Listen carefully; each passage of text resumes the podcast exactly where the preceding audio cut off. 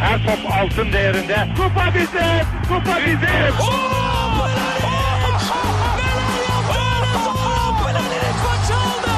Dengeli de attı. İsabetine buldu. Maçta Fontervi. Sonra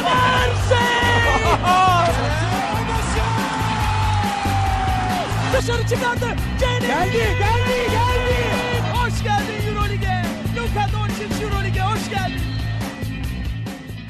İkili Oyun'un 139. bölümüne hoş geldiniz. Ben Serkan Mutlu. Mikrofonun diğer ucunda Ali Aktin ve Tancan Fümen var. Tam kadro buradayız. Ne haber beyler? İyi abi sizi sormalı. Süperiz. Tam kadroyuz. İyiyiz. İnanılmaz. Yani Ali'yi iki program üst üste burada ağırlamak bir şeref. Evet, Ali'yi sezon sonunda dinlendirseydik. Embiid gibi böyle bir maç dinlenip şey bir podcast dinlenip diğerine geliyorum. back to back podcastlerde konuşturtmayacağız artık seni. Nasıl gidiyor Tancan? Hemen bize şeyden bahset. Dünkü etkinlik nasıl geçti? Abi çok güzeldi ya. İnanılmaz katılım oldu. İnanamadık. Böyle Böyle dün, 450 yani kişi var. etkinliği bilmeyen kişiler için belki özetleyelim. İsmi neydi? Kalk Gel değil mi? Aynen kalk gel. İşte Ee, bizim Türkiye'nin en iyi streamerları. Bir, ta- bir Tancan gerisi önemli değil abi. bir grup arkadaşı yok. Pinti Can Sungur'la Pinti Panda'nın aynen. Can Sungur'la Pinti Panda'nın aslında düzenlediği bizim de e, konuk yani konuk yayıncı olarak katıldığımız ama sonrakilerde de herhalde biz yine olacağız. Ve bütün e, canlı yayınlarda yaptığımız yayınları sahnede yaptığımız bir etkinlik oldu. 450 civarı kişi geldi. Bir de dışarıda gelenler oldu sonrasına falan. Bayağı ilginçti ya. Ki biletlerin yani. 800 liradan satıldığını düşünürsek pahasılar. Güzel. Ka- Kara borsaydı en son orada. İyi abi sevindim. Peki Euroleague konuşacağız. Ee, herkesin bildiği üzere artık e, 30. maçları da geride bıraktık ve e, eşleşmeler netleşti. Ee, hem Fenerbahçe ve Efes'in maçlarını ucundan konuşacağız ama daha çok playoff eşleşmelerine değineceğiz. Bu değinmeye başlamadan önce bize görüş, yorum, öneri ve soru iletebileceğiniz kanalları hatırlatayım. Soru iletmek için ikilioyun.com slash soru diye bir adresimiz var. Buraya giriyorsunuz, sorunuzu yazıyorsunuz, gönderiyorsunuz. Baya kolay. Yalnız bu programda Euroleague için e, soru almıyoruz. Çünkü genelde sorular işte Efes, Barcelona ne olur, Fener, Žalgiris ne olur şeklinde. Hepsini zaten bu program içinde yanıtlayacağımız için e, soru cevap etkinliğine bu programlık e, pas geçeceğiz. Web sitesi adresimiz ikilioyun.com, mail adresimiz selam at ikilioyun.com, Twitter, SoundCloud ve Spotify'da ikili oyun takip etmeyi unutmayın. Ve son olarak Türkiye'nin en iyi streamerı Tancan Füme'nin Twitch kanalı twitch.tv slash tancan adresinde girin ve takip edin. Ayrıca biletleri de bir yerlerde satılıyor. Şımartıyorsunuz Serkan Bey. Teşekkür ederim. E, oynanma sırasından gidip isterseniz ilk olarak e, Anadolu Efes'le başlayalım. Anadolu Efes zaten Barcelona ile eşleşmeyi yani dördüncü sırayı e, çoktan garantilemişti. Barcelona'da beşinciliği garantilemişti. Hani kendisi için biraz formalite, biraz um, seyircisinin önünde hani güzel bitirmek sezonu e, maçında e, hiç de formalite ol- olmaması gereken e, bir Milano ile karşılaştı. Çünkü Milano için hani tamam ya da devam maçıydı. Mutlaka yenmeleri gerekiyordu. E, fakat Efes Milano'yu e, yenmeyi başardı. İyi rotasyon yaptı ve hani çok da zorlanmadığı bir maç oldu açıkçası. E, Milano böylece son iki maçında iki mağlubiyet alıp önce Fenerbahçe'den sonra An- Anadolu Efes'ten Euroleague sezonunu tamamlamış oldu. Ee, Tancan senle başlayalım. İstersen çok kısa maçı geçelim sonra playoff eşleşmesinden bahsedelim. Oğlum aklıma çirkin bir an fanatik başlığı geldi. Ya. Türkler İtalyan pizzasını sevdi falan. Eyvah. Oraya girme. Üst üste olunca kötü geldi. Spagetti show falan diye. Armaniye Spagetti- Türk tokadı falan. Türk... İyice çirkinleşiyordum ben. ya Efes'i geçen hafta geçen hafta da bir benzerini konuşmuştuk. Anadolu Efes'in yakın dönemde artık böyle biraz e, yoldan çıktığında da işte sezon bitme, bitmeye yakın kaldığında vesaire konsantrasyon düştüğünü bazı maçlarda zorlandığını hatta deplasman ya da iç saha fark etmeden konuşmuştuk. Bu sezon bunların tam aksini göstermesi de işte playofflar öncesi en güzel şeylerden biri. Ben açıkçası bu maçta mağlubiyet çıkma ihtimalini yüksek görüyordum. Ama Anadolu Efes aslında maçın genelinde kötü savunma yapmasına rağmen belli anlarında özellikle de 3. çeyrekte çok iyi savunma yaparak maçı çevirip aldı. Şimdi bu playoff için işaret maçıydı bence bu açıdan. Ne kadar Efes için bir sıralama değişikliği olmasa da Ergin Ataman bunu oyunculara aşılamaya çalışmaya devam ediyor. Çünkü Misic gibi e, biraz daha Larkin gibi oyuncular bu konsantrasyona da ihtiyacı olan oyunculardı. Özellikle bu maçta Misic için bunu yansıtması da hoş oldu. Yani Misic'in savunması çok iyiydi. Ayrıca Simon'un da çok iyiydi bu maçta. Aynen öyle. Ya ikisi de düşmesine rağmen iyi toparladılar. O daha da iyi bir işaret. Ee, Ergin Ataman da bunu hedefliyor gördüğümüz kadarıyla. Zaten maçı izlerken genelde önceki maçları da düşünerek hani Barcelona'ya karşı nerelerde sorun yaşar Anadolu Efes ya da nerelerde avantaj yaratır'a biraz bakmaya çalıştım. Bu maç o açıdan da iyi işaretler verdi. İşte Misic'in ve işte diğer kısaların savunmasından bahsettik. Mesela e, rebound konusunun yine ne kadar önemli olduğunu gördük Efes için. Yani Milano'yu oyunda tutan en önemli konulardan biri ikinci şans sayıları ve buradaki hücum reboundlarıydı. Yine çok fazla hücum reboundı vardı ama yine buna rağmen bir dönüş sağladı Efes. Çemberi her durumda zorlamaya devam ettik. Yani ilk opsiyonumuz her zaman drive oldu.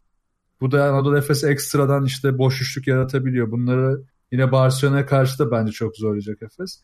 Hani genel olarak Milano maçı Efes'in playoff öncesi bence en iyi son provası oldu. Ben de çok umutlu gidiyorum playoff'lara karşı. Yani en sonunda tahminleri de yaparız zaten. Ali sen ne diyorsun? Katılıyor musun? Katılıyorum ya benim ben de maçı baş, e, izlemeye başlarken çok ümidim yoktu açıkçası. Hatta geçen hafta tahminleri yaparken demiştim hani büyük ihtimalle Efes rotasyona girer. Belki dansını falan da dinlendirir hiç riske atmaz diyorduk. E, maçta biraz öyle başladı aslında. Armani bayağı yüksek skorla başladı maça. Ama üçüncü çeyrekte bir vidaları sıkınca Efes savunmada e, hemen fark yarattı orada. Oradan da Milan'ın dönüşü olmadı zaten. Ee, şu anlamda olumlu buldum ben maçı. Birincisi tabii ne olursa olsun bunlar bir mesajdır. Ee, playoff öncesi. Maçları bu kadar hani salmaması, savunmayı yukarıda tutması çok e, önemli Efes için. Çünkü hani bunları işte, Barcelona eşleşmesinde konuşuruz ama yani sorunları böyle şutla, üçlükle, skor bularak değil ama savunmayı sıkarak, orada sertleşerek e, maçı döndürmesi bence Efes'in çok daha olumlu. E, onun haricinde hani hmm, hani son dönemde takımdan çok kopuk kopan, e, çok kopuk gözüken Bobo'nun da hani bu maçta bir şeyler göstermesi bize bence olumluydu. E, Mitsis'in performansı zaten e, Efes için şu an olmazsa olmaz durumda. O yüzden hani bir mesaj olarak e, iyi bir maç oldu.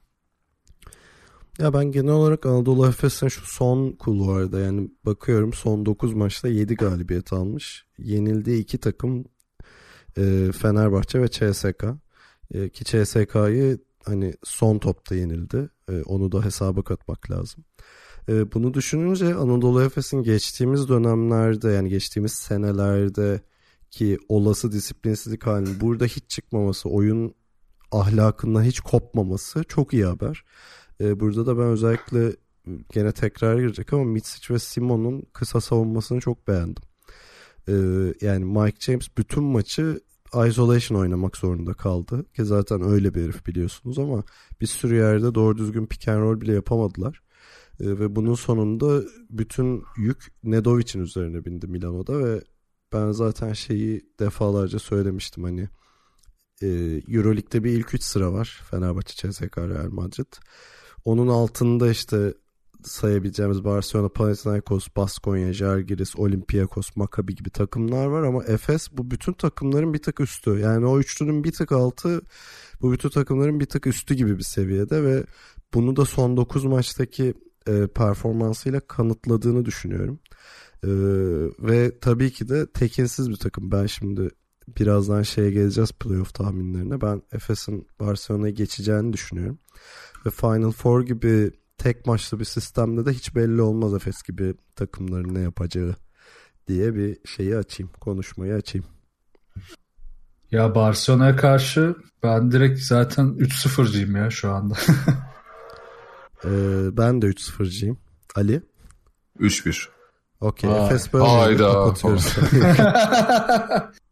ya Efes'in çok fazla avantajı var aslında Barcelona'ya göre. Yani maçlara, sezon maçlarına ya da Barcelona'nın son dönem durumuna baksak da toplama baktığımızda Barcelona'nın toparladığı dönem de dahil. Bir kere en başta zaten kontrolden çıkmaya aşırı müsait. Ki biz bunu Hörtel'le iki sene Efes'te de yaşadık birebir yakından biliyoruz. E, hatta Pangos'un da çok formsuz geçirdiği dönemlerden dolayı bir kısa rotasyonu var Barcelona'nın. Ve bu maçtaki en güzel göstergelerden biri ve sezon boyuncaki Visic ve Simon'un burada yapacağı savunma. Hatta yer yer Larkin'in burada katacağı ekstra hasıl. Yani o top çalmaları, pas araları, e, deflectionları Efes'i çok rahatlatacak ve Barcelona'nın kısalarını çok kolay rol, e, yoldan çıkarabilecekler. Birinci konu bu. İkinci konu rebound konusu. Dunstan'ın buradaki formu çok kritik. Yani Dunstan hem savunmada zaten oyundan çıktığında boyalı ne kadar zorlandığımızı bir kez daha gördük. Hem de rebound konusunda o yokken yine zorlanıyoruz. Burada tabii Simon, Larkin ve Misic'in yine kısa havuza düşen toplardaki reboundları kovalamaları çok kritik. Burada Barcelona bir adım öne geçebilir ama yine de Efes burayı rahat bırakmayacaktır. Moerman da dahil burada çok zorlayacaktır Barcelona'yı. Önemli olan ikinci şansı vermemek. E, rebound versek bile. Üçüncü konuda top kaybı konusu. Yani Efes şu anda Eurolig'in tamamında asist turnover oranında ikinci sırada. Ve buna baktığımızda bunu koruması iki açıdan önemli. Birincisi top kaybı yapıp hızlı hücum vermemek. Yani Milano yine Milano örneği verirsek açık sağ bulduklarında Efes'in geçiş savunmasını çok zorlayıp çok skor ürettiler. Barcelona da bunu kovalayacak. Zaten Barcelona'nın amaçlarından biri de yarı sahadaki o baskıyı arttırmak. Hatta yer yer tam sağ baskı da yapmayı deneyecekler yine. Ama Efes buradan top kaybını sınırlayarak çıkarsa zaten asist konusunda ben Barcelona'ya karşı zorlanacağını hiç zannetmiyorum. Asist oranı oranını yüksek tutup Barcelona'yı 3. çeyrekten itibaren hatta içerideki iki maçta da farkı gidebilir. Bayağı parçalayabilir. Ama oradaki ilk maç tabii yine kritik. Yani Ali'nin skoruna gitmek için o ilk maç zaten 3-0 ya da 3-1'i belirleyecek maç. Ama 2-1 olursa hep yani Euroleague'in zaten şeyi de o e, sıkıntısı. 2-1 olursa 2-2'ye gitme psikolojisi bir anda oluşabiliyor. Ama ben yine de Efes'in oradan da 2-1 olsa bile en kötü 3-1 çıkacağına inanıyorum. Ya ben de e, özellikle işte kim oynayacaksa Örtel, e, şey Pangos, Adam Hanga gibi kısalara iyi baskı yapacağını düşünüyorum Efes'in. Ve onların uzunlarla bağını kestiğinde Singleton'ı da bir türlü sezon boyunca nasıl kullanacağını çözemediğini göz önünde bulundurarak Barcelona'nın ben Efes'in pek de zorlanmayacağını düşünüyorum ya. Yani tek zorlanacağı maç dediğiniz gibi oradaki ilk maç olur ben ama onu da Efes'in alacağını. Yani buradakileri böyle çift taneli skorla bile alabilir Efes gibi geliyor bana. Yani şom ağzımı konuşturmuş olmayayım ama. Dur Ali şimdi bozar şey şom Yok yok ya, ya, ya ben de 3-0'a yatkınım da hani ne bileyim e, ağzımdan öyle çıktı.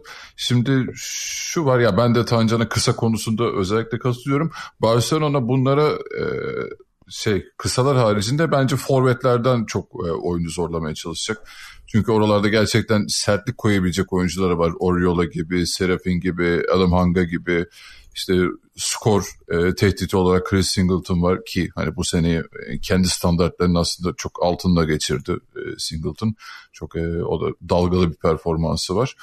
E, onun haricinde e, işte yine Tancan dediği gibi Hörtel'le ve şeyle Kemu Pengos'a ben iyi bir baskıyla Efes'in e, özellikle Missis'in için savunmasıyla oraları çok da zorlanacağını zannetmiyorum. Ama oradaki tek sorun şu olabilir e, Dunstan'ın formsuz olma ya da e, Dunstan'ın formsuz olma lüksü yok. O da e, çok hani kendi standartının biraz altında bir sezon geçirdi. Tekrar çıkış yakaladı. Ama işte buralarda kenardan gelecek oyuncuların da e, mutlak katkısı gerekiyor. Plyce ve Motum'a bakıyorum burada. Çünkü Muharman gerçekten harika bir sezon geçiriyor. Ama bir noktada hani onun da dinlenmesi gerekecek. Yani bütün playoff'u 40 dakika oynayamaz. Orada o yüzden biraz e, Barcelona Efes'i yıpratabilir. Orada da kenardan gelecek e, oyuncuların performansı önemli. Ve Shane Larkin'in o bildiğimiz standartta oynaması şart. O deliciliğini konuşturması, bu uzunları üzerine çekmesi, alan açması e, Efes'in çok işine gelecektir. Dunstan kaç dakika ortalamayla oynar? Playoff söylüyorum. Final Four hani. Olası Final Four'u sormuyorum. O, 33. evet ya 30 üstüne çıkması şart. Yani ya çok boğuşacak gerçekten. Ben 35'in de üstünde olacağını düşünüyorum Dunstan'ın.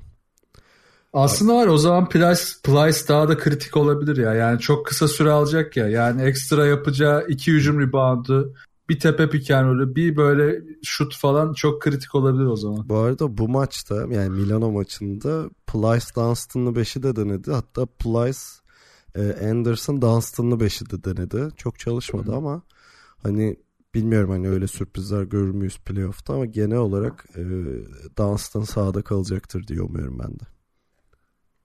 Dunstan'ın kalması da çok kritik ya. Ama orada yine zaten e, Dunstan'la beraber hem savunmada hem hücumda yine Merman da çok belirleyici olacak.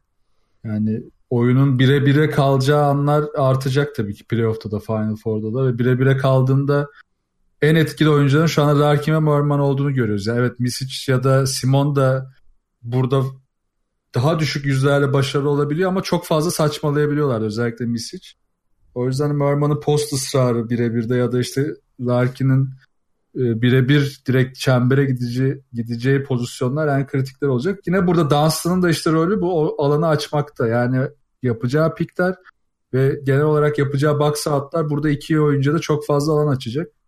Yani Dunstan'ın süresi evet 35'leri zorlayacak ama Plyce oyundayken de işte çok doğru rotasyon tutturmamız lazım. Yoksa onun o 5 dakikasını Barcelona komple avantaja çevirmemeli. Yoksa e, son topa kalırsa sorun yaşarız. İşte orada benim aslında 3-1 dememin hani e, Barcelona'ya bir maç vermemin sebebi de şu eğer içeride Dunstan'ı iyi kitlerlerse, iyi savunurlarsa ya da yıpratırlarsa işte e, dediğimiz gibi hani Mitch için orada kötü karar aldığı anları bu sezon gördük. Tamamen dış şute güvenir bir şekilde hani Barcelona öne geçti diyelim ve Efes bunu doğruları oynamak yerine şutla çözmeye çalışırsa ki bu sene işte yenildiği maçlarda hep eleştirdiğimiz nokta bu oldu zaten. İşte oralardan bir maç belki gidebilir diye düşünüyorum ama umarım e, öyle bir şeyle karşılaşmayız. Peki Fenerbahçe'ye geçelim. Ara mara vermiyorum hızımızı aldık zaten. Ya Yönetmenim işaret ediyor araya gerek yok diyor şu anda. E, Fenerbahçe e, evinde 14 maç üst üste kazanmıştı bu Euroleague e, sezonunda. 15. maçı da kazanıp aslında bir rekor kırmak istiyordu Euroleague'in yeni formatında. E, bu maçta da e, Maccabi'yi ağırladı. E, biraz hani Fenerbahçe'nin de iyice rotasyon denediği işte her zamanki bir Veseli'nin sanırım dinlendi yani orada tam net bir şey yok ama dinlendiğini düşünüyoruz. E, Lover'ın sakatlığı yüzünden olmadığı e, Maccabi'nin hani şey playoff şansı biraz şeye bağlıydı. İşte Jargiris yenilecek.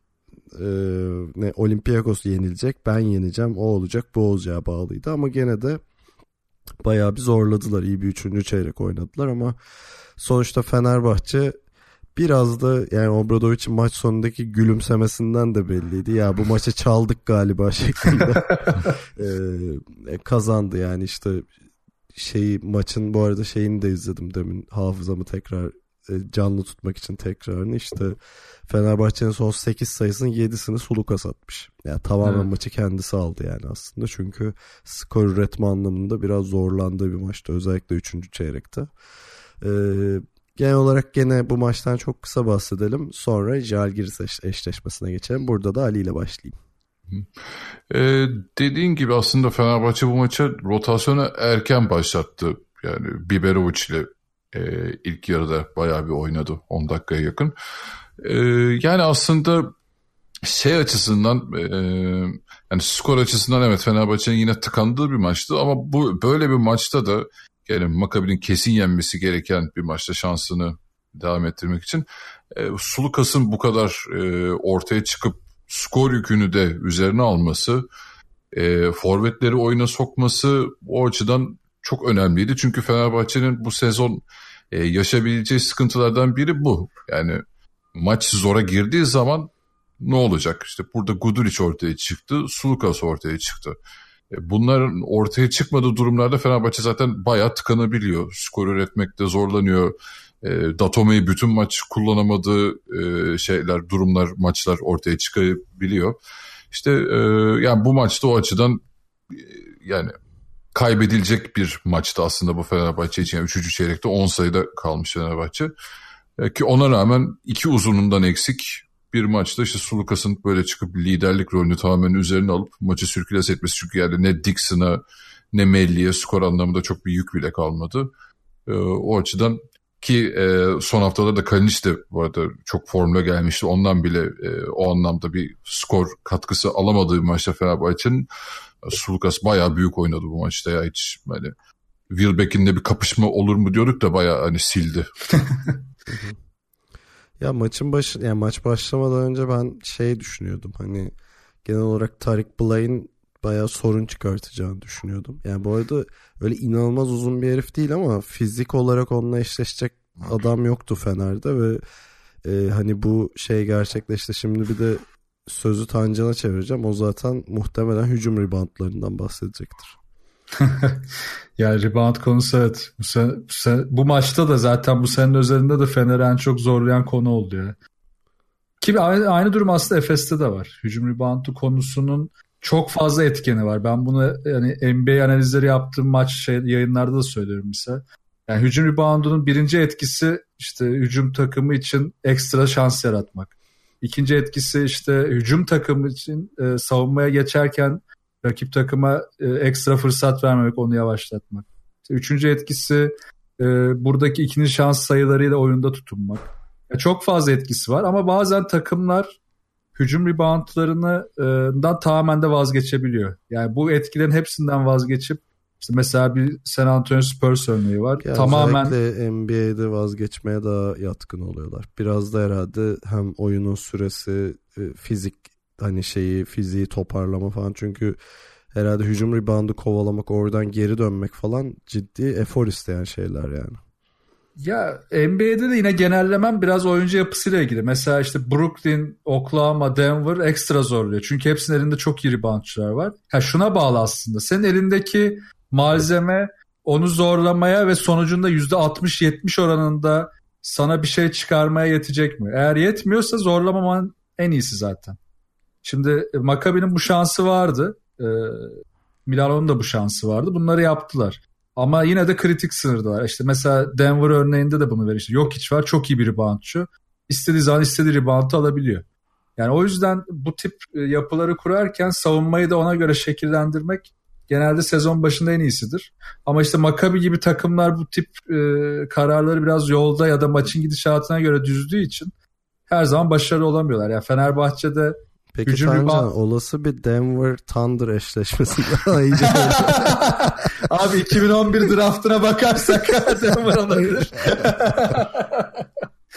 Konu bir anda uzaklaşıyordum böyle şeyler. Pardon böldüm. Yok çok ya. Ne diyordum unuttum Devam. ama. Şeyden çıkardım seni değil mi? Hücum reboundu diyordum bunu zorladım ha, falan. Evet evet işte e, Efes, e, Fener'in e, buna önlem alınması çok daha rahat oluyor. Çünkü Fenerbahçe zaten e, yarı saha savunmasında çok iyi. Hücum reboundu verse de tekrar sana ikinci şans sayısı vermede çok kolaylık sağlamıyor.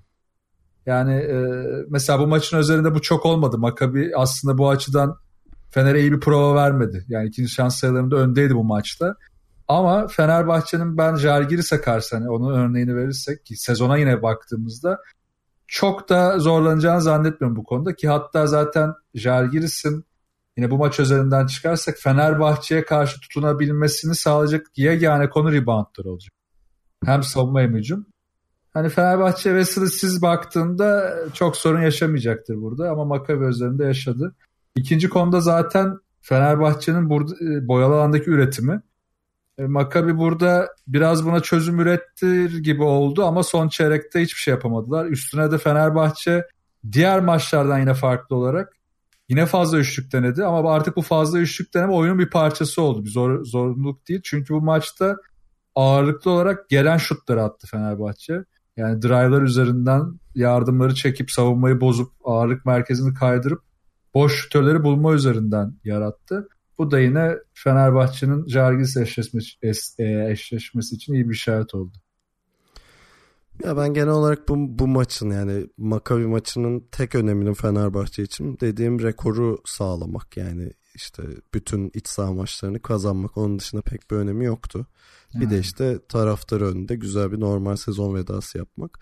E, ama şeyi hani bir tek belki ölçü olarak alabileceğimiz şey e, kullanılan hücum sayıları. Yani Fenerbahçe'nin 55 hücum kullandığını buna karşı Maccabi'nin tabii ofansif e, reboundların da e, katkısıyla 72 hücum kullandığını görüyoruz ki %20 ile üçlük attılar. Fener gene %52'lik %43'lükle oynadı.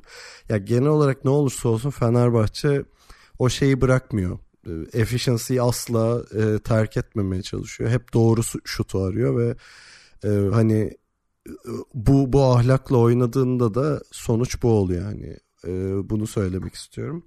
Ama isterseniz buradan şeye geçelim bir Jalgiris eşleşmesi tahminlerinize ya da varsa dikkat etmesi gereken bir detay iz, dinleyicilerimizin ona. Ya benim tahminim Fenerbahçe rahat bir şekilde 3-0 geçer bu eşleşmeyi. Siz de söyleyin sonra detayına girelim. E ben söyleyeyim hadi şimdi. Tancan demin ilk söylemişti. Ben gerçekten biraz şeye bağlı olduğunu düşünüyorum. Yani Veseli dönecek mi? Herhalde dönecek yani dinlendiriliyor diye tahmin ediyoruz ama e, Veseli nasıl dönecek? E, Lovern herhalde yok gibi. E, böyle olduğunu düşündüğümde ben o kadar da kolay olmayacağını düşünüyorum. E, yani umarım 5. maça kalmaz ama o ihtimali de cepte tutarak 3-1 diyorum Fenerbahçe için. Ya ben de 3-0 diyeceğim. Ben Real maçını da izledim Jalgiris'in. Sezonunu da düşününce evet son dönem iyi bir form yakaladılar ama e, Real Madrid maçında aldatıcı olan yönler vardı bence. Real Madrid'in savunma olarak neredeyse bütün maçta hiç kasmaması. Real Madrid'in hem CSK'ya hem Efes'e hem de diğer zor maçlarında yaptığı savunma Efes'e diyorum pardon Fener'e yaptığı savunmaları izledik beraber. O yüzden Jalgiris'in ya çok günlük ani bir patlaması dışında Fenerbahçe'den maç alması zor gibi geliyor bana. Hani detaylara girmeden ben de şimdilik e, 3-0 diyorum. Peki ben niye maç alabilir onu söyleyeyim. Yani Veseli Lovern ikilisinden yani birinin olmadığı ya da olduğu ama e, belli bir etkinlikte oynayamadığı senaryoda e, Jalgiris'in hani bu seneki maçları Fenerbahçe maçlarını ikisinde Fener yendi değil mi? Yanlış hatırlamıyorum. Evet öyle ee, Yani ona rağmen ama Fenerbahçe'ye çok sıkıntı çıkardığı noktalar vardı ve o noktalar Fenerbahçe'nin şu anda zayıf karnına dönüşebilir. Çünkü genel olarak ön alan baskısını iyi yapmak, ikili sıkıştırma şeye getirmek, e, özellikle kısalara getirmek. Hani Fener bunu hep normal sezonda e, içeriye e, force ederek bitirme yani çözmeye çalışmıştı. Şimdi mesela Makabi maçı tam ölçü değil diyoruz ama içerideki üretkenliği çok düşüktü Fenerbahçe'nin. Ee, bunu göz önünde bulundurarak eğer hani içeride öyle bir problem olursa Jalgiris'in bir maç çalabileceğini düşünüyorum. Hatta hani bir moral bozukluğu falan olursa aman diyeyim 5. maça gelebilir. ya e, ben Jalgiris'in şu açıdan tehdit olabileceğini olamayacağını düşünüyorum. Ya bir kere Jalgiris yani geçen sene bile Fenerbahçe'ye karşı oynarken ve yenmişti sanırım normal sezonları Fenerbahçe'yi. Evet. çok e, hani akıl alıcı bir e, şey pas temposu ve bunu 40 dakika yaymaları gerekiyordu. E, o dönem işte hani Pangos'ta da çok etkili oluyorlardı hem delici hem top trafiği olarak. Yani her şeyini vermesi gerekiyordu Fenerbahçe'nin. E, Jalgiris'in Fenerbahçe'yi yenmesi için. E, bu sene ellerinde Pangos gibi bir oyuncu yok. Tam Leo Westerman gayet iyi oynuyor ama e, bireysel olarak baktığımızda da işte Yankunas zaten bu sezon e, bayağı maç kaçırdı. E, Ulanovas bildiğimiz e, seviyesinde değil. E, Kavalioskas gibi adamlardan hani geçtiğimiz bir iki sezi, sezonu oranla daha az katkı alıyorlar. Yani Aaron White gibi e, forvetlerine Fenerbahçe'nin cevap verebilecek işte Mellisi var, e, Datomesi var, Kalinic'i var. Yani bunları çok iyi durdurabileceğini düşünüyorum ben Fenerbahçe'nin savunmada. Yani hücumda ben Jalgiris'in çok büyük bir tehdit olabileceğini Fenerbahçe bu kadrosuyla düşünmüyorum. Ee, buna rağmen Fenerbahçe gerçekten bu sezonu zaten çok e, üst seviyede geçirdi. Alışık olduğumuzun dışında. Yani normalde Obradoviç takımlarını biz hani sezon içerisinde biraz yavaş başlayıp playoff'ta iyicene patlama yaptığını gördük. Bu sene sezonun neredeyse tamamını Fenerbahçe çok iyi geçirdi. Hani sakatlıkların etkilediği bir iki dönem haricinde. Ki onlara rağmen yani Sulukas'ın yokluğunda aldığı, Veseli'nin yokluğunda aldığı yani şey ne oldu bizim ondan hiç haber alınamıyor. Ee, bizim center. Kim? Fenerbahçe'nin. Lovern. Ha, Lovern'da evet. Yani ne oldu uyuttuk mu adamı anlamadım. Hiç haberi çıkmıyor bu aralar. E, Fenerbahçe tam sağlıklı olursa Veseli ile beraber e, ben o yüzden hiç Jalgiris'e şans tanımıyorum. Ha, onu ben Evet. de tanımıyorum bu arada. yani, tam sağlıklı olursa zaten nasıl şans olsun ki? Ya yok şey e, aslında Serkan'ın dediğini anlıyorum. Yani Wesley'e bir şey olması zaten e, rakip kim olursa olsun Fenerbahçe için çok büyük eksik yaratacak. Hem savunmada hem hücumda. Ama Jalgiris'in işte e, Fenerbahçe'yi elemek için ne yapması gerekiyor kısmına baktığımızda aslında biraz tıkandığı noktaları görebiliyoruz. İşte bir kere rebound üstünlüğü kurmak zorunda. Buradaki yine kritik konu Wesley gibi gözükse de Fenerbahçe'nin aslında genel olarak Melli ile Kalinic'le işte Milano maçındaki örnek gibi ya da işte Datome ile reboundlarda yine e, o seviyeyi tu- tutabiliyor ya da işte Ahmet'le bir yere kadar.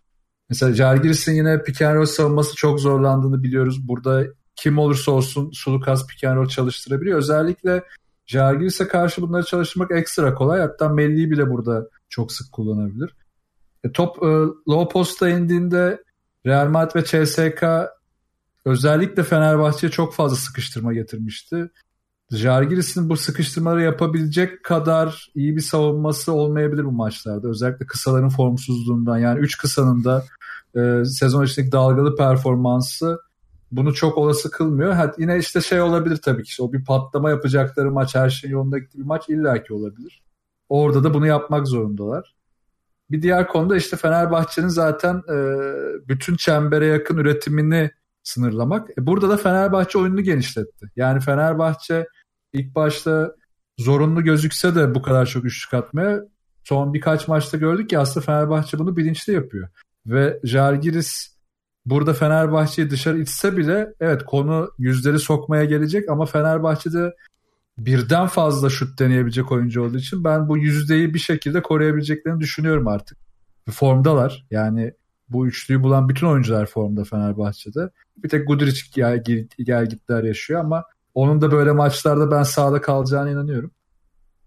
Tek sorun e, Real- Jalgiris'in yarı sahadaki oyunlarının tuzaklarına düşmemek. İşte aslında biraz e, Jalgiris'in yarı saha oyunları çok Aa, abi işte neler çiziyorlar acayip acayip falan dense de bunlar bir kere iki kere üç kere çalışıp sonrasında tıkanabilecek oyunlar ve Fenerbahçe zaten Obradovic'in zekasıyla bunların hepsini çok çabuk tepki verebilecek bir takım. Hatta öncesinde çalışıp hazırlıkta olacak zaten. Bir tek burada sorun topsuz oyun tuzakları. Çok fazla burada tuzak e, oyunu var e, Jasikevicius'un. Bunlara düşmemek lazım. Özellikle backpicklerden dipte çok fazla oyun yapıyorlar. Bunları da çözerse Fenerbahçe yani Jalgiris'in savunma olarak çok da zorlayabileceğini zannetmiyorum. O yüzden ben e, herhalde 3-0'da ısrarcı kalacağım. Peki şöyle özetleyeyim. Ee, Anadolu Efes Barcelona serisinde ben ve Tancer 3-0'cıyız. Ali 3-1'ci. Ee, Fenerbahçe Jalgiris eşleşmesinde Tancan ve Ali 3-0'cı ben 3-1'ciyim. Yani Tancan Türk takımları vurur geçer diyor. Böyle bir milliyetçilik olamaz yani. Bir rahatlama geldi ben anlamadım. Geçen sene böyle değildik.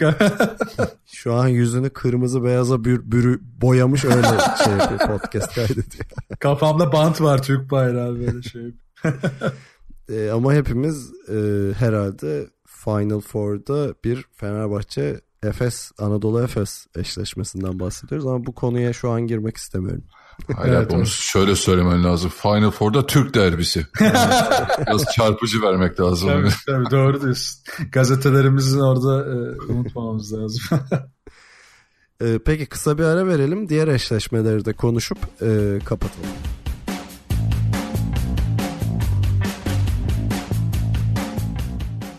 Euroleague'de 2019 playoff'unun diğer niye böyle TRT spikeri gibi gibi diğer iki eşleşmesinde Rus temsilcisi CSK Moskova Temsilci falan diyor ya. Neler diyorsun? Yok diğer iki eşleşmeyi de konuşalım işte. CSK Baskonya, Real Madrid Panathinaikos eşleşmeleri. Ee, bu saydım yani CSK ve Real Madrid'in tabii ki de biliyoruz e, saha avantajı var. E, buna dair kısa notlarınızı ve tahminlerinizi alayım.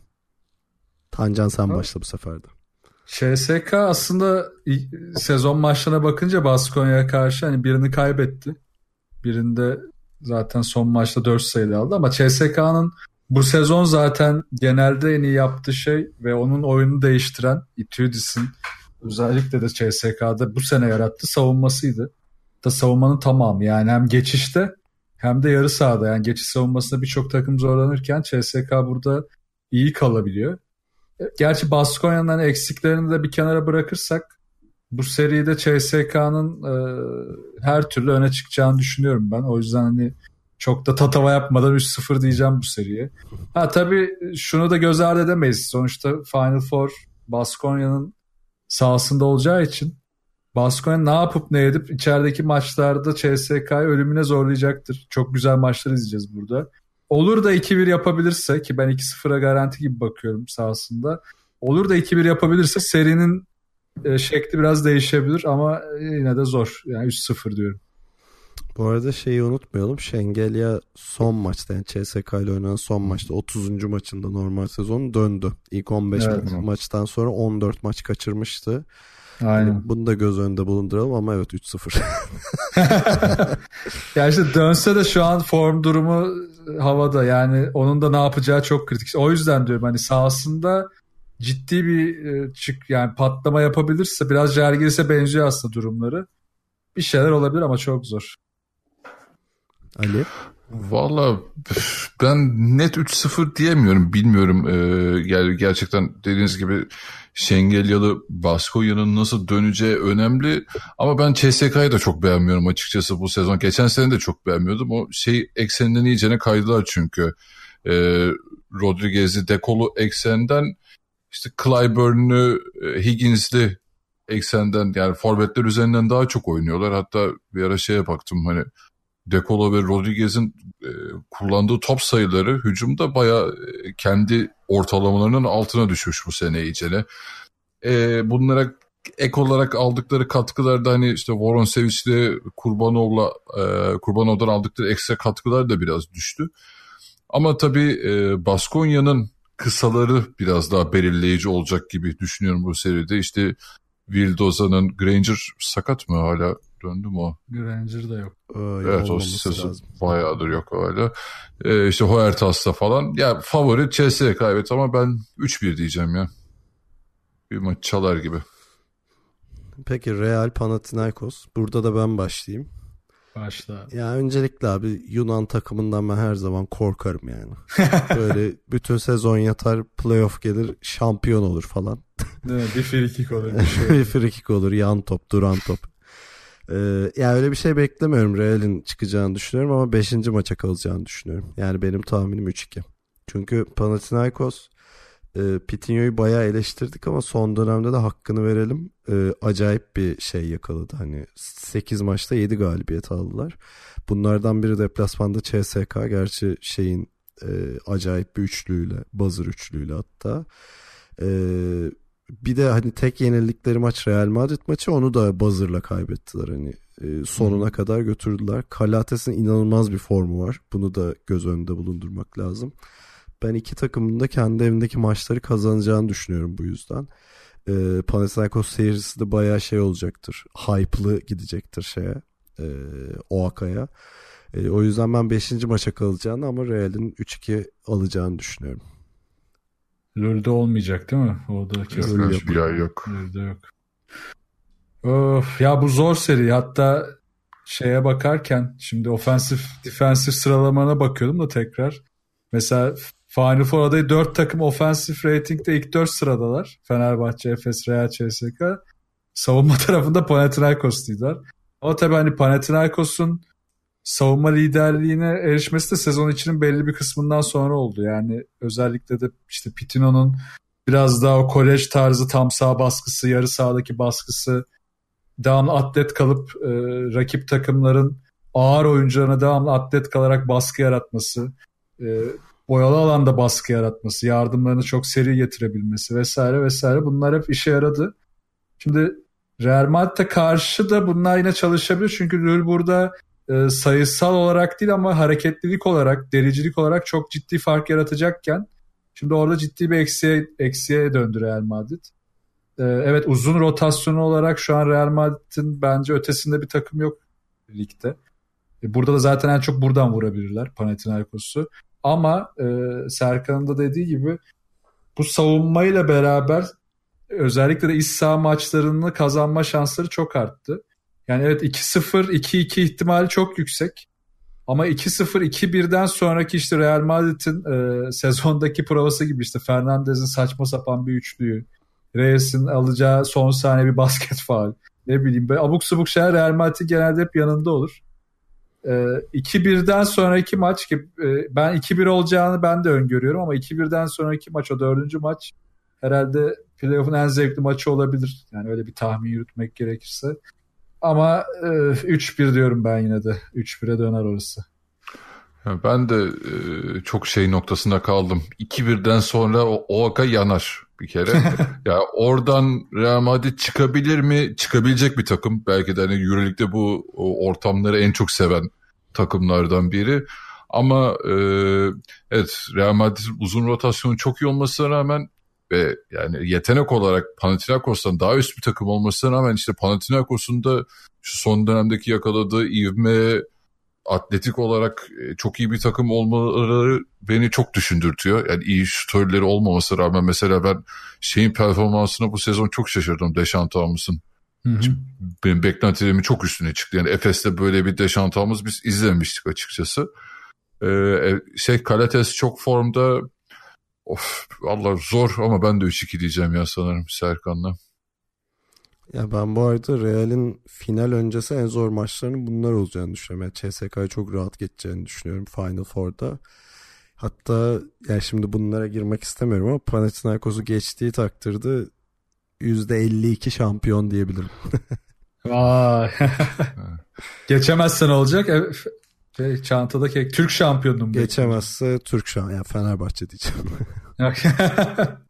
Ama tabii şeye de bağ. Yani Türk şampiyonluğu olabilir bu arada. Yani Fenerbahçe'nin playoff'un nasıl geçtiğine bir bakmak istiyorum özellikle işte demin bahsettiğim uzunlarla alakalı konuya. Ama yani ben CSK'nın e, Efes ve Fenerbahçe'yi yenemeyeceğini düşünüyorum olası bir finalde. İşte o zaman Fener Efes eşleşmesini konuşursak. Yok ya onu önümüzdeki programlara bırakalım işte. Ama sonuçta Aynen. tekrar özetleyeyim. Ee, Tanca'nın şey tahmini e, CSK Baskonya tahmini 3-0'dı. 3-1 miydi? Yok 3-0'dı. Benim, benim 3-1. Benim de 3-0. Ali 3-1 dedi. Ee, Real Madrid, Panathinaikos, ben ve Ali 3-2 dedik. Tancan 3-1 dedi. Yani Tanca'nın e, saha dezavantajı... Ya çok pis patlayacağım. bence saha dezavantajı olan takıma tek şans verdiği an o bir maçlık Panathinaikos e, şey Real Madrid maçı. Onun dışında güçlünün yanında ezilenin karşısında bir imaj şey yapıyor, çiziyor şu anda yani. Bundan sonra böyleyiz. Abi ünlü oldu ya artık bu. Olamayız biz bunu. Bizi görmez tanımaz. Az Allah'tan tribün... biz de ünlüyüz yani. Serkan'la ben de yani ünlü olmasak vallahi yer bizi burada. Acımaz mı? Ne acıyacağım? Peki o zaman e, bu son Euroleague yayınımızdı şeyden önce, playofflardan önce. Şimdi e, Euroleague'e bir haftalık bir ara veriliyor. O yüzden önümüzdeki hafta içinde Euroleague yayını yapmayacağız. Ondan sonra playofflar e, başladığında bakarız. NBA yayınımız ama hafta içi e, bir tarihte olabilir. Orada küçük bir sürpriz de olabilir. Beklemede kalın diyeyim. Aynen. Ee, şeyi hatırlatayım bize sorularınızı iletmek isterseniz özellikle NBA ile alakalı olur Euroleague playofflarla alakalı olur. Siz bilirsiniz. ikiloyun.com slash soru adresinden bize soru iletebilirsiniz. Ee, web sitesi adresimiz ikiloyun.com, mail adresimiz selam at ikiloyun.com, Twitter, SoundCloud ve Spotify'da ikiloyun takip etmeyi unutmayın. Ve son olarak Tancan'ın Twitch kanalı twitch.tv slash Tancan adresinde basketbol severleri ve genel olarak ilkleri bekliyor. Ee, var mı ekleyeceğiz bir şey? Basketbolla güzel. kalın falan diye bir şey. Haftanız basketbolla geçsin. Yay. Peki bir sonraki yayında görüşene kadar kendinize iyi bakın ve hoşçakalın. Hoşçakalın. Görüşürüz.